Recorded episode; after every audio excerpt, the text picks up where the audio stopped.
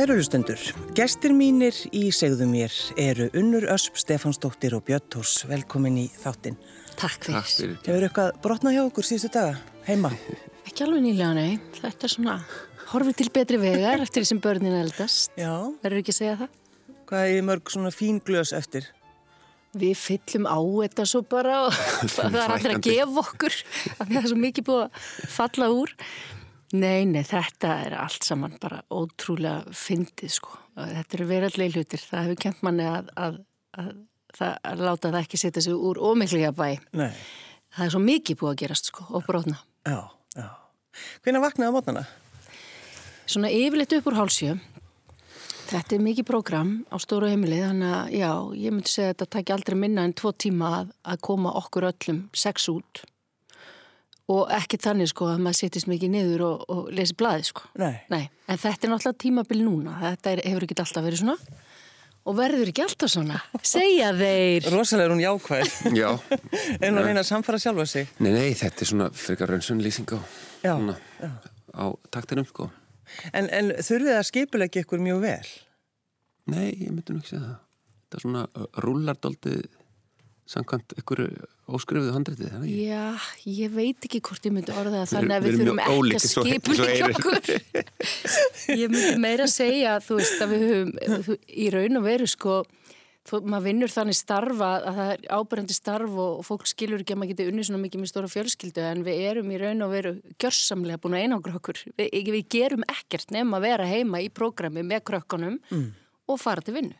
Eða, þú veist, og nú er ég alveg að tala um fyrir utan COVID sko, að það er náttúrulega bara það er svona stort heimilið þá hérna það já, þá er þetta rosa mikið og intens mm. prógram og við fáum perspektíf þegar að fólk kemur þá, sjaldan að það gerist, kemur í heimsókn sko. Þá breyður fólki svolítið yfir háaðanum og, og bara, já, já umstanginu. Já, og svolítið raunveruleika tjekk þegar heimsfaraldurinn skalla á þá var sett sko útgöngubann á heimsbyðina og við fundum heil enga mun. Nei. Alveg raunverulega. Já, ykkur leið bara rosa vel. Já, þetta er, já, það, var allt breytt. Það var ákveðin léttir, þá var ekki með móralifinir að vera ekki allstaðar með alla og öllum og með krakkana í veslunum. Mm. Þá gæti maður bara verið í, þú veist, einogrunni sinni. Já, alltaf áfram í einogrunni. En, en sko er það þannig að, er það alveg sammála um svona hvernig svona skiplaðið á að vera og, og, og það allt saman? Já, það myndi ég hins vegar segja það, ég menna þetta, ég, ég verði nú að segja sko, þetta myndi ekki ganga ef maður var ekki svona vel giftur mm. Guð minn almáttugur, hjálpi mér mm. bara þá sjaldan að bjöð segir á í svona löngum törnum í tökum og svona, þá fær maður náttúrulega að upplifa það að vera svona semi einstæða móðir og, og, og ég tek bara hatt minn ofan fyrir einstæðum, einstæðum fóreldrum mm. að því að hérna, þetta er algjört tímvork þannig að þegar við ákveðum að fara að vinna núna saman í leikúsinu sem við gerum nú ekkit oft sko að að þá höfðu margir einmitt áhyggjur af þessu, alveg sálfræðingur hafið samband og bara haldið þið þurfið ekki handleðsli gegnum þetta? Og ég hugsaði, vá, þú veist, það eru svo stór verkefni heima fyrir að fyrir okkur að, að þetta er eftir að reyna sambandi, ég veit það ekki. Þú veist, ég held að það sé ímislegt reynd, sko, fram að þessu. Þannig að já, þannig að það var ekki kannski mikið skref fyrir okkur að því að við þurfum í, í okkar daglega lífi að vera í rosalega miklu flæði og trösti og eitthvað skonar svona, já, sköpun. Mm. Þetta er náttúrulega líka sköpun að bara halda út í góðu og, og innblásandi fjölskyldulífi. Já, uh, sko kemur einhverstað romantíkin hann inni? Hafið þið tíma fyrir romantík? Já, allt og lítið. Jú, jú, hún er á sér sinn stað sko. Já, Þetta heils að fá svona spurningu svona að því klukkan er bara rétt nýju. Það er svona svolítið snemt. Ég er ekki búin að formulegt kaffi hérna heldur. Það er að koma, það er að koma. Nei, en sko romantikin liggur hún ekki í hverstaslegustu hlutunum. Veist, það er bara það að Bjössi hellir búið kaffi fyrir mig á hverju mótni. Mm -hmm. Ég finnst það alveg pjúra. Já, gera það? Já, Já, alltaf. Það er pjúra romantik í mínum huga og þessar litlu stundir þegar við náum aukssambandi þegar eru svona þrjú börn að öskra okkur og brosum smá, það finnst mér mjög romantíst og ég hafði einmitt orðaði í gerð þegar við fórum í Vesturbælegin á tvö, við gerum að stundum að, að styra okkur svona stund að það toppar einhvern veginn all, allar utanansferðir og, og fjallgöngur og allt, mm. bara, bara eitthvað svona ótrúlega einfalt eins og að geta bara náð góðu samtali og nýheitum poti Já. Þetta er svona móment í ykkur utalansferð fyrir nokkrum árum, það sem er löðast á kottan og svo, svona veldu við höfðinu og horfumst í auðu og fórum svo bara hlæja. Þetta var eiginlega þetta var svo fyndið sko, svo fyndið, þetta er auðvitað bara er einslega barnafólks að því ferðast um heiminn skilur, þetta getur verið svo mikið vesen sko, maður svo bara, af hverju er það þessu, er? Ekki beint frí, ekki, ekki beint. Þá er nú eiginlega betra bara að stela klukktíma og fara í launa og veist, mm -hmm. og sér gaffbóllegstar og... og það er alltaf það sem COVID hefur held ég kent okkur mörgum allavega, þótt þetta sé auðvitað alveg hrigalegt ástand fyrir mjög marga Og þá er það bara þetta, þessi hérna, þetta eh, grunn fyrirbæri að, að, að bara, bara leifa sér að lækka þess flugið. Að við erum öll, við gerum svo mikla kröfur til okkar sjálfra. Og, og að fá bara allt í einu frípassa til að, að kvíla aðeins meira í sjálfu sér og, og þessu, þessum hverstaslegu hlutum og fyrir nú utan hvað það er svo líka hérna, bætir tengsl og líðan og er umhverfisvænt. Það verður ekki alltaf að þvælast út um allan heim og það er svo mikil streyta sem fylgir því líka. Nú er ég ekki að segja, auðvitað þurfum við að, að sjá eitthvað annað en heima hana en hérna, það, það er gríðarlega mikilvægt held ég að, að, að fáa bara aðeins að líta inn á við og, og, og tala við sína nánustu og, og vera eiga svona gæðastundir með þeim. Já, þetta er náttúrulega átaka, átaka tími sko út um allt og margir sem eiga um svarta binda en ég held að það sé stór hluti fólk sem að sem að kannski hefur ekki hátt um það en, en líð bara vel sko, með þetta allt saman, með hennan aðeins hægatakt og Ég held til dæmis að sko, einmitt að fólk hafi verið svolítið fegi í kringum jólinn mm -hmm. að vera bara heima Já, já, einmitt Já, engi spurning Slauf, slauf á öll jólabóð og svona já. bara allir rauniskonum og sloppunum sko. Það er betra mm -hmm. Þegar þú sást Björn í fyrst skipti, hvað var það? Það var í leikfélagi mentaskólans við Hamra hlýð. Já, og það er nú, hérna, það er nú svolítið merkilt, hann var svona, hann var svona langmesta talentið og sprelligósinn og þú veist, þegar hann leik, hann leik eitthvað tíman, eitthvað, hvað? Nei, ég er hugsað um alltaf kollegokkur sem voru hann í MH. Já. Þetta er nú kannski, þú veist, þú lýsir þessu svona. Já, þú meina, þeir endur ekki, þeir endur nú ekki margir í leiklist. Hæfileikar ekki leikar hann. Nei, engin eins og þú, Björn. Engur hlutræð, en það er alveg fræk saga þegar Björnsi leik svona fatlaðan og þróskaftan mann í Marat Satja Rúnar Guðbrands og, og öllum fast svo frábært að við skildum leifa, að því að það var svona föllu deild í mettskólinu Hamarlið, að við skildum leifa þeim krökkum að vera með í síningunni. Og, og ég gleymiði aldrei að hérna, fólk trúði bara ekki að, að, að hann hefði verið að leika þetta. Já og, og þetta hef, já, þannig að þú veist, ég hef alltaf hillast af hæfileikum og dræfi og svona orkumiklu fólki sem hérna er innblásið og hann hafði það, það allt til að bera, það var hérna ákveði vandamál hann var yngri en ég mm. þannig að hann þurfti aðeins að ganga eftir mér. Já, var það þannig? Já, já, þannig. Hvað, hvað er mörg ár? Hún sá mig sem er mjög mikið þegar 19 og 21 Já, ég veit það, ég ger mig grein fyrir því En hvað, hvað sást þú hana?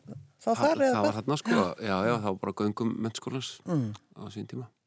Það var nú fyrir, eh, sko, fyrir uh, leikfélagsæfingar en, en við hittist bara göngunum. Ég man mjög vel eftir því bara.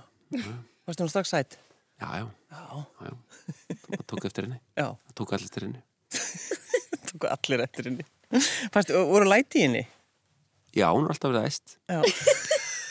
alltaf verið eins og undan sjálfum sér eins og sagt þeir sko en nei, nei, bara, bara kraftmikil og, mm. og hérna fjör sko í kringum hann alltaf og, og hérna og svona innblásin sko mm. sem að sem að sem að e, hefur fyllt henni og fylgir henni enn þann daginn í dag og e, e, gefur henni veist, þessa svona hennan sprengikraft sem að hún tekur með sér inn í vinnuna bæðið sem leikona og svo sem leikstjóri og, og núna höfundur. Já, e, sko þið hefur náttúrulega unnið eitthvað saman eða ekki?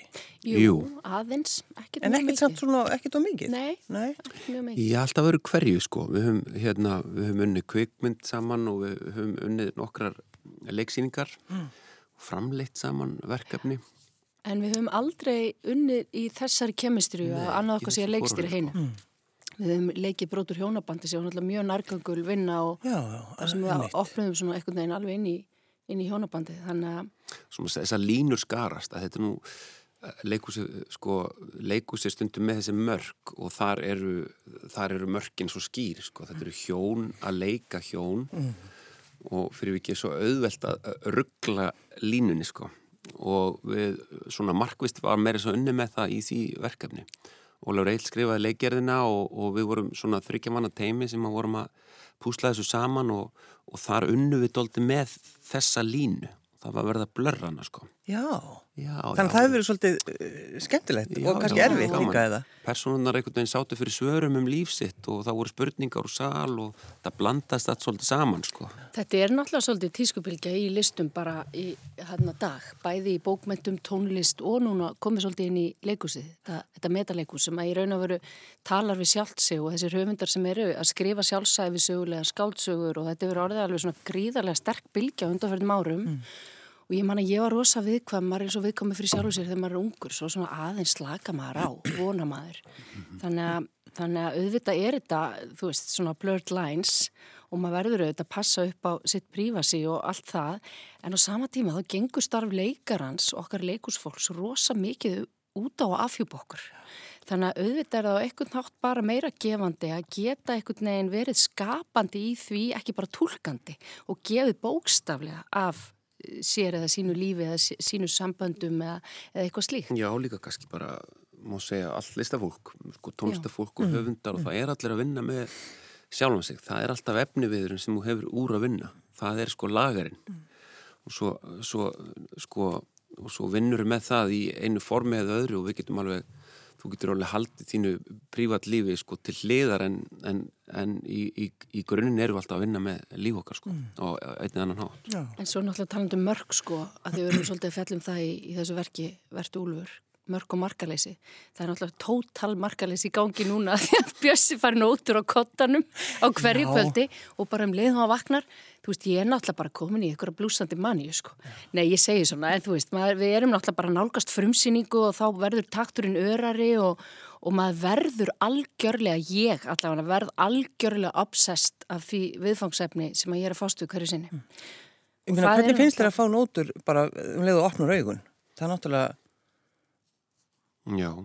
Hvað segir við hann að stundum? Hættu þessu? Nei, alls ekki sko, þetta er bara sko, þetta er bara líf okkar sko, það er bara svona þetta er hérna þú ert uh, sko í kafi, doldi þurft að mhm. vinna stór verkefni og núna er núna uh, blæða uh, blæðir vinnan algjörlega heim sko, þetta er algjörlega bara við erum alltaf saman, alla sólrengin fyrir við erum við stöðut að sko ja. og það er ágætt að eiga þetta samtal bara í staðin, veist, í staðin fyrir að þurfa að að taka punta og fara með í vinnuna, þú veist, það er alltaf, alltaf lega að klára mm. þetta bara, þú veist, þegar hugmyndin poppar upp þá getur bara varpað henni fram og fengið samtalum um verkefnið heima fyrir, sko. þetta, er allir, þetta er ekki allt árið þetta er bara Já, þetta er bara svona frumsýringatörtin ég er nú ekki alveg óþólandi Nei, nei, nei, nei, alls ekki, ekki Nei, en þetta er náttúrulega líka því að þetta er svona sameinlega ástriða hjá okkur og erindi verksins er svo brínt og ekki síst núna að, að það held ég gerir það verkum að við erum bæði algjörlega, já, svona held tekin af þessu.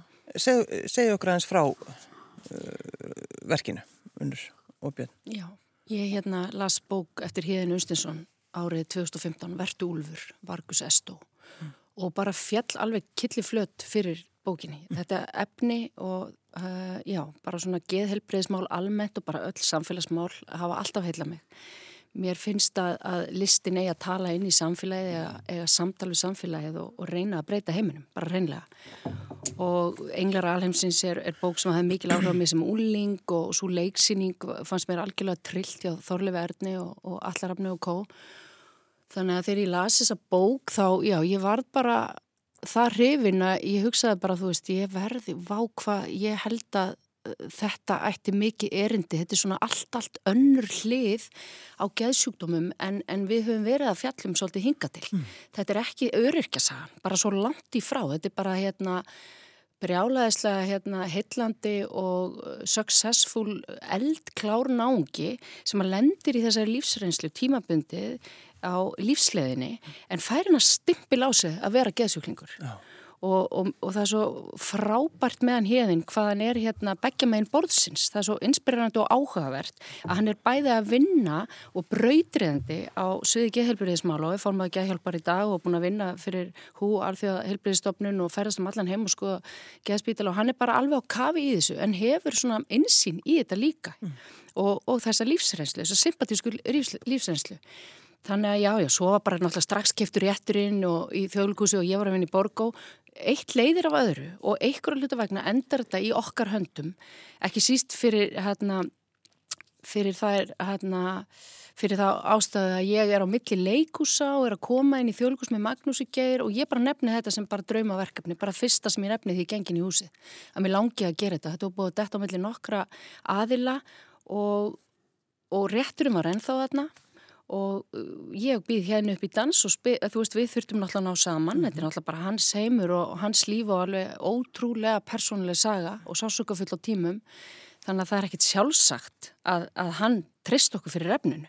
Mér hefur fundist það eiginlega alveg bara magnað hvað hann hefur sínt okkur mikið tröst og og auðmygt mm. í þessu ferli. Varst þú hrifin af bókinni? Björn? Já, alveg frá því að bókin kom út þá var svona svolítið ramagn í kringum uh, þetta verkefni sko, í kringum bókina og kringum þessa personu, uh, bæði höfundarins og svo auðvitað personunar sem hann skrifar inn í bókina, Úlfinn sjálfan og það svona já, já, þetta svona það, það vissu held ég flestir af þessu í leikusinu og, og það var alveg svona konsensus um það að þjóðleikursu væri með réttina verkinu og veist, eins og önnur þá var ég upp í borgarlegus á þessum tíma þannig að maður horfið svona pingu öfundur á augum í átta eh, sko leikursunu með, með þetta verkefni því að það, það er svo margt í, í þessari bók og í hvert fólk reyndar til þess að lesa bókina mm -hmm. e, það er svo margt í þessari bók sem er svo magnað erendið og, og sögsvið er eitt en, en svo er bara sko skáldskapurinn í henni er mjög fallegur mm. svona fallegar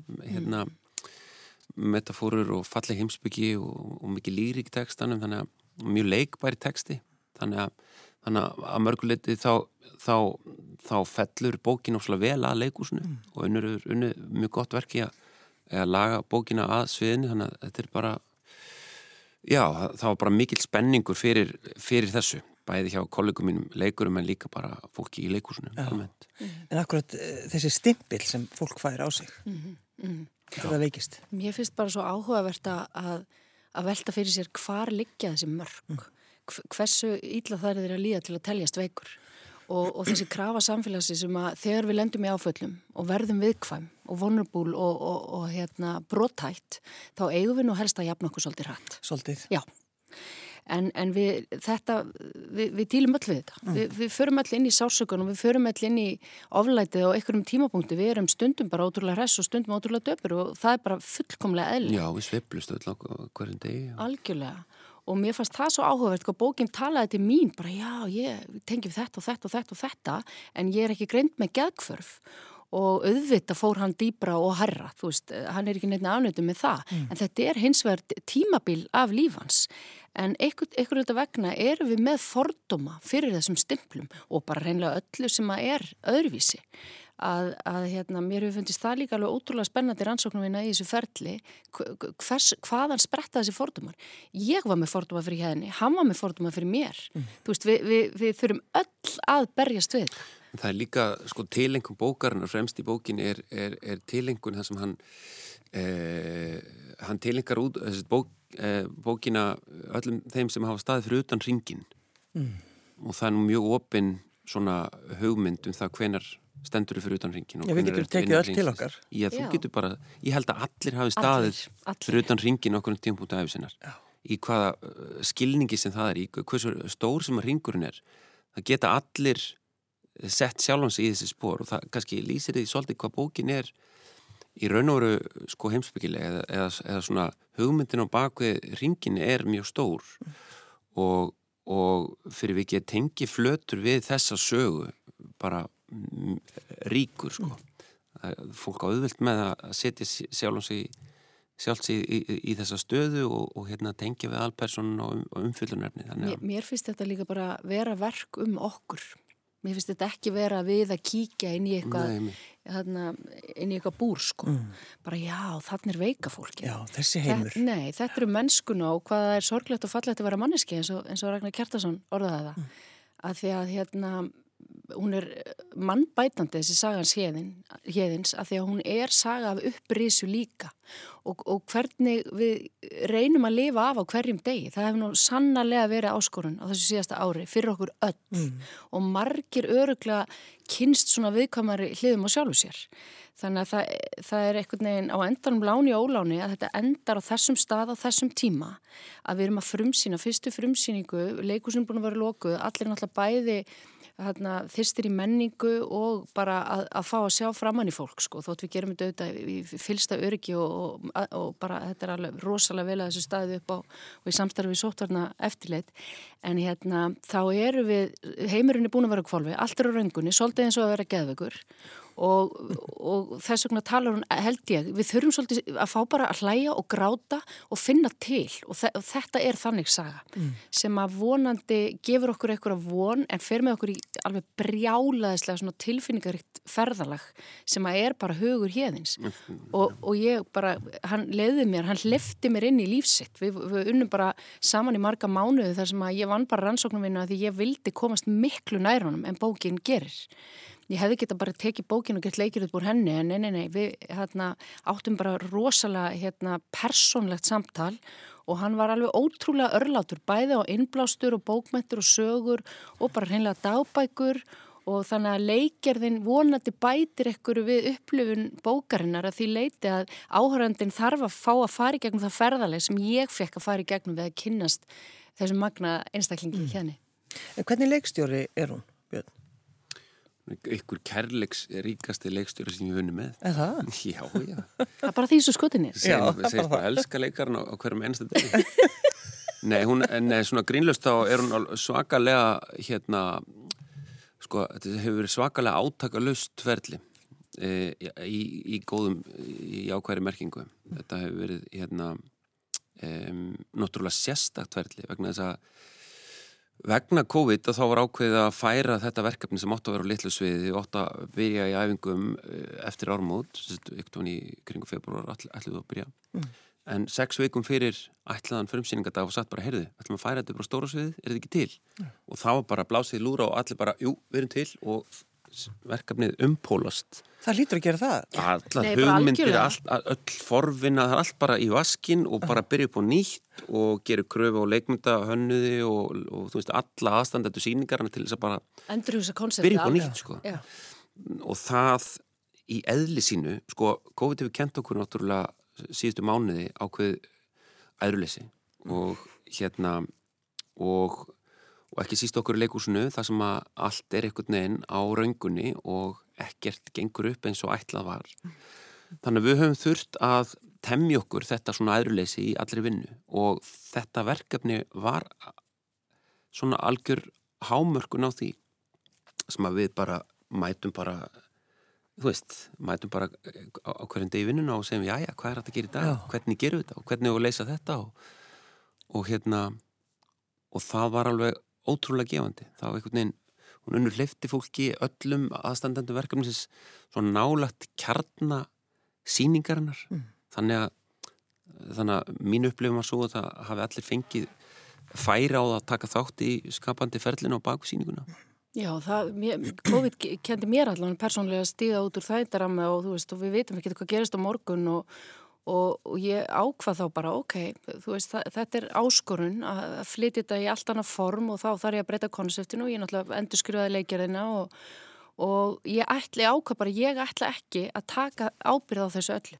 Að því að það er náttúrulega svo miklu, miklu meira kreatíft og, og gefandi að, með svona stórkostlega listamenn sem ég með í, í hópnum, Elinu Hansdóttur og Björn Berstein og Haldur Örn og Valgi Sigursson og Emilion Torini og þetta er algjört landslið, Filipi Elistóttur. Prins Bóló og prins Pólo að hérna bara að hleypa öllum á borðinu og, og, og fara inn í kjarnan og inn í bara þú veist sársökan og Bjössi segir átakalöst þetta var samt alveg ótrúlega erfitt tilfinningarlega, við vorum öll bara svolítið eins og skurðlistek og að því að ég vildi að þessi síning væri á nýfsbladi, að hún væri á hættulegum stað, þetta er ekki kósi kvöldstund, þú veist, hún gengur nærri okkur mm. og þá auðvita gekk hún nærri okkur á æfingatímanum og við svona skiptumst á að grænja þetta í salnum sko. En það er líka bara sko, það, það er svo gefandi fyrir fólk í, í því umhverfi sem við störum í að fá að vinna með efni við sem hefur svona ríkt erindi. Mm.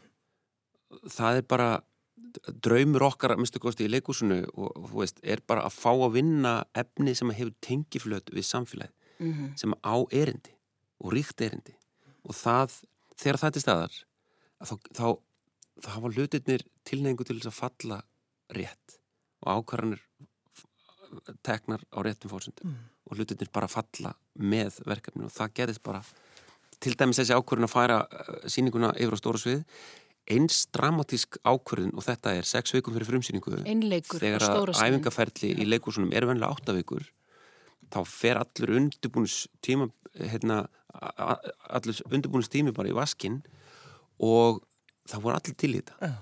það var bara eitthvað rétt að small eitthvað, að hugsa allir bara hárétt, þetta er bara hárétt ákvörðin þetta gati ekki farið öðruvísi en nákvæmlega svona mm -hmm. En ég minna, einleikur eh, þá spyrir maður sko, þarf maður endilega verið í svona litlu rými, er ekki mitt svolítið gaman að Jú, hafa stort svið? Já, náttúrulega sérstaklega því að efnið er svolítið þessi, þessi glíma mannsins við sjálfan sig mm. og ein huga og einangrun og útskufun og samfélagi og allt þetta, þá er náttúrulega magnað að sjá einn mann á þessu risastóra sviði Já. í myrkrinu, þú veist, það bara hérna, per se er náttúrulega bara eh, myndlistar hérna, verk út af fyrir sig mm.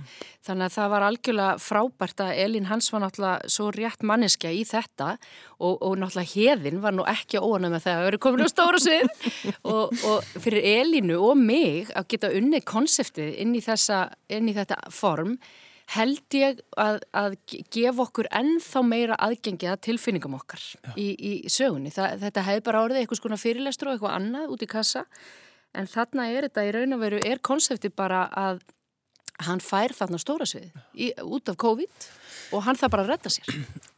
En ætliði að vera með svona eins og oft er einmitt að tala við áhöröndan eftir síningar, Já. er þið með svoleiðspælingar? Já, það er alltaf öðru kvori, ég held að sé alltaf eftir sjöttu síningu, svo verður námskja og við um endurmentunar og það sem ég og hérna verðum fólki innan handar og, og fólk fær að koma á síningu, það verður held í februar mm. og já, svo bara, og, og þetta er náttúrulega hann er auðrandi, hann hérðin og hann skoðanir og hann skoðanir er, fáið þetta alveg rosalega mikla vikt í þessu, þannig ég vona líka bara að hún veki fólk til umhugsunar um geðheilbreyðismál almennt, mm. en svona fyrst og fremst snerti hjarta fólks Hvena verður frumsýnt, Unnur? Fyrstu daginn 20. annan ah. eftir rúma viku Og er þið tilbúin? Maður er eiginlega aldrei tilbúin Ég veit það ekki. En sko það var rosalega stór stund í, í síðustu viku þegar híðan kom í fyrsta skipta á reynsli. Það var nú eiginlega frumsýning sko. Það, fyrir, fyrir okkur viss alltaf var það frumsýning. Svolítið yfir því að mann er svona hugmynd sko. Fannst þið erfitt að hafa hann í salnum? Nei, en bara ekki erfitt en það var yfir mann. Já. Ég get rétt ímynda mig hvernig það var fyrir hann. Já. Að sitja þarna, þetta er náttúrulega bara eins og mikil mennsku brjálaðis mannisk hugmynd í sjálfur sér og horfa á mannesku leika þig Já. á þínu svona viðkomasta tímabili á stóra sviði þjólkusins. Bara góð skemmtum. Mm. En hann var alveg ótrúlegur og, og, og það að hann hafi lagt blessun sína á þetta, þá segi ég eins og Bjössi, það var svona okkar stóra augnablik mm. í ferlinu. En það að sko hlæja og gráta í leikusi, það er uh, þegar maður hefur einhvern veginn þannig tilfinningar að maður upplifir síningar uh, þannig. Mm. Allt svolítið gott. Já, er það ekki það sem við erum að ég held allavega að ég er dramasökkar sko. Ég vil bara að leikusi virki eins og katharsis fyrir mig. Ég vil bara fá að fara í gegnum mína sorg og mína hamingi og mína lífsreynslu með samsvörun við það sem er að gerast á, á sviðinu. Þannig að ég er rosa lítið spennt sjálf fyrir svona köldu pólitísku leikusi þótt að ég er alveg gaman að leiki því. En þá, þá hef ég meira áhuga á að, að hleypa fólki í gegnum einhvers konar, já, bara Hreinsun. Hreinsun, Já. bara hreinlega hreinsun. Já. Ég held að það sé lutur leikusins. Mm -hmm. Ég held það. Og, þessu, og það getur við bara í, í leikusinu, í, ná, í þessu návi við hvort annað að, að við erum, þið sjá bara í COVID, það er allir búin að horfa allt á Netflix, þetta er alveg frábæra serjur, mm. en það er einhver galdur í loftunni þegar við getum komið saman og upplifa það saman. Og, og finnst, við höfum þurft alveg endur skilgrinn okkur í leikusinu, búin að endalust að reyna að sína eitthvað streymi og svona, Já. en það er eitthvað í þessu augnabliki að þetta er lifandi form og þess vegna mun leikur sér aldrei degja. Nei, nei, bara um leið og tjaldið fyrir frá, þá fær maður sko hjarslátt. Já. Og... Já, já, ramag bara í byrjastið. Já, já, já. Hér getur allt gerst. Já, já. Þetta eru náttúrulega leikar sko. Já. Leikararnir eru svolítið eins og skilmingaþrælar sko. Þeir eru að ganga í gegnum eitthvað sem að við borgararnir sko, að því að maður er náttúrulega báð meginn við tjaldið. Uh, þú tekur ekki þátt í því að þú færð að verða vittni að einhverju sem er alveg bara töfrum líkast. Já, já. stundum alvöru töfrar já, já. stundum bara þannig að þú skilur ekki neitt í neinu og hérna, þú er bara tekinni ferðala og, og, og, og þetta er náttúrulega þetta er náttúrulega töfrarnir sem við erum alltaf að reyna út, alltaf að reyna að búa þetta til út á þetta gengur þessi baróta mm. að ná að draga þetta upp úr hattinum já, og við veitum það bara, veist, stundum gengur og stundum bara gengur það ekki og þú veist, sama, þú veist, hversu mikið undir er lagt að þá mm. að þá, þá kemur þetta bara stundum og, og, og þú veist, enginn skilur neitt og þetta er bara þarna mm. en, en sko náttúrulega því að við hefum ekki komist í leikús svo lengi, -hmm. maður rétt náði kardumum bænum og það er einmitt hlómaður og grétt líka einmitt. bara allar, allar tilfinningarna kannski að því maður var svo gladur að komast í leikúsi eina fáum, eina fáum sem náðu því ég veit það, Já. og ég grétt mjög mikið bara af gleði en þá er það bara þessi, þessi tilfinninga geta farið eftir leikús Já, það er náttúrulega ótrúlegt að þessi búið að Já, þetta er náttúrulega bara magnaði tíma sem við lifum, það er ekki hægt að segja annað. Og hérna og e, e, eins og maður hugsaði á tímabilið, þú veist, hvað getur við gert og hvert er okkur hlutverk sem listamann og, og eitthvað svo leiðist, þá held ég að, að erindi listarinn hafi, hafi eiginlega aldrei verið ríkara, þannig að svona komaði hjartað okkur og, og tala um mennskuna og að því að það, það er allir pínu viðkvæmur held ég, mm. núna, það er allir svolítið slegnir Hvað er framöndin hjá okkur í dag? Hvert færði þið? Við viljum að það sé við leikús, við erum með fyrstu svona örfáu áhörundina í kvöld. Mm. Svo reynum við nú kannski að skvísa henni einni sundferð. Ná, ekki gleyma ná í börnin. Nei, skulum við reyna mun eftir því. Alveg, já, fyrir þetta. Það var lítið. Já, já, já, rætta pausin fyrir kvöldið. Mm, fyrsta kvöldrensli. Já. Þannig að það er mikil tilhjökun bara. Já. Að því að mótleikar, mótleikar er bjösa í einleik er náttúrulega bara áhörundinir. Mm að horfa í augunum á þeim og, og leikirinn er þannig uppbyggð að hann er bara í samtali við áhundur allan tíman að reyna að samfara þá um ákveðna hluti mm. og segja þeim sögu sína og ganga í augunum á þeim á, á sama tíma. Já, það sem er svolítið magnaðið að leika einleik er náttúrulega, þetta er sko einfaldasta form leiklistar, þetta er bara eitt leikar á sviðinu hann, þetta er sögustund þetta er frásagnar leikus í raun og veru hann stendur bara á sviðinu og, og segir þér frá lífi sínu bara eitt leikari þetta er svona frekar lástemt sko umgjörð um síninguna Hún er, rík, hún, er var... rí, hún er rík af hugmyndum en, en hún er ekki stóra mikið leikmyndin. Sko. Þegar ég var stressuðst þá hugsaði ég guð með góður fólk á eftir að býða bara eftir hinum leikur og um allan tíman og bara innleikur og stóra sem hvað ruggla er þetta? Hvernig kemst ég hérna burt? Já. En það, þetta er tímabil sem allir leikstur að ganga í gegn já, já, og hérna er mjög eðlert. Það er eitthvað aðeim að verður ekki hrættur á leðinni sko. En svo, þegar þú stendur svona og sko þú horfir áhörundur, þú stendur einn, mm -hmm. sko veluru einhvern fram í sal eða mm -hmm. gerur stundum, það? Stundum, já. Já. já, já, algjörlega en hérna en það er svo skrítið eh, stem, að þið vorum að tala um rafmagnaðan rafmagnin í leikúsið er stundu þannig að og þú veist hvernig síningin verður áður hún byrjar mm -hmm. Þú heyrir það á salin? Þú heyrir það bara, bara gengur inn í, inn í salin og það heyrir bara já, þetta verður svona síning Já, það er þetta fólk að þetta fólk er hérna í kvöld og tjaldið fyrir þú er ekki séð neitt. Þú finnur það bara leið og gengur inn í salin bara er eitthvað í loftinu núna? Þetta verður frábært kvöld. Bara finnur það í, í líkamannum sko. Þetta er doldið magna en, en svo gerast alls konar hlutir á, á í leikúsinu á síningum, á meðan á síningu stendur sem að geta, getur líka breytt þessu sko. Mm. verður upp og koma í salnum mm. að þá þá hérna það hefur alls konar gest sko, veist, það, er, það, það verður ykkur veikur það þarf ykkur að standa upp og mm. það er að stoppa síningar og svo halda þær áfram og þá hefur orkan í salnum umpólast hún er orðnað, orðnað ykkur öðru mm. en við byrjuðum með og þá getur til dæmis setni hluti síningar orðið bara algjörlega magnaður af því að það er ykkur stemning í salnum sem að svolítið mm. magnað sko. Þar sem allt getur gest Já Unnur Asp, Stefansdóttir og Björn Tórs, takk fyrir að koma Takk fyrir okkur. Takk fyrir ekki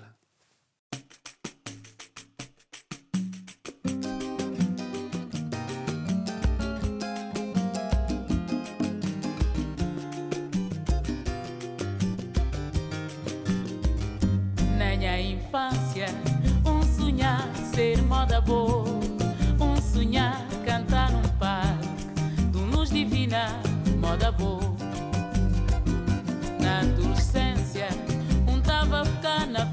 respeito. Tem improvisar um microfone para me cantar moda boa. e moda boa, moda boa com crer cantar. e ma boa com crer prender para me cantar moda boa. Na minha vivência, já me conchei, gente, já me conchei muito da realização do vida Canta cabelo, canta minha terra Essa minha vivência Querer partilhar-me a toda minha gente Partilhar-me a mundo inteiro. História de um povo, história de uma vida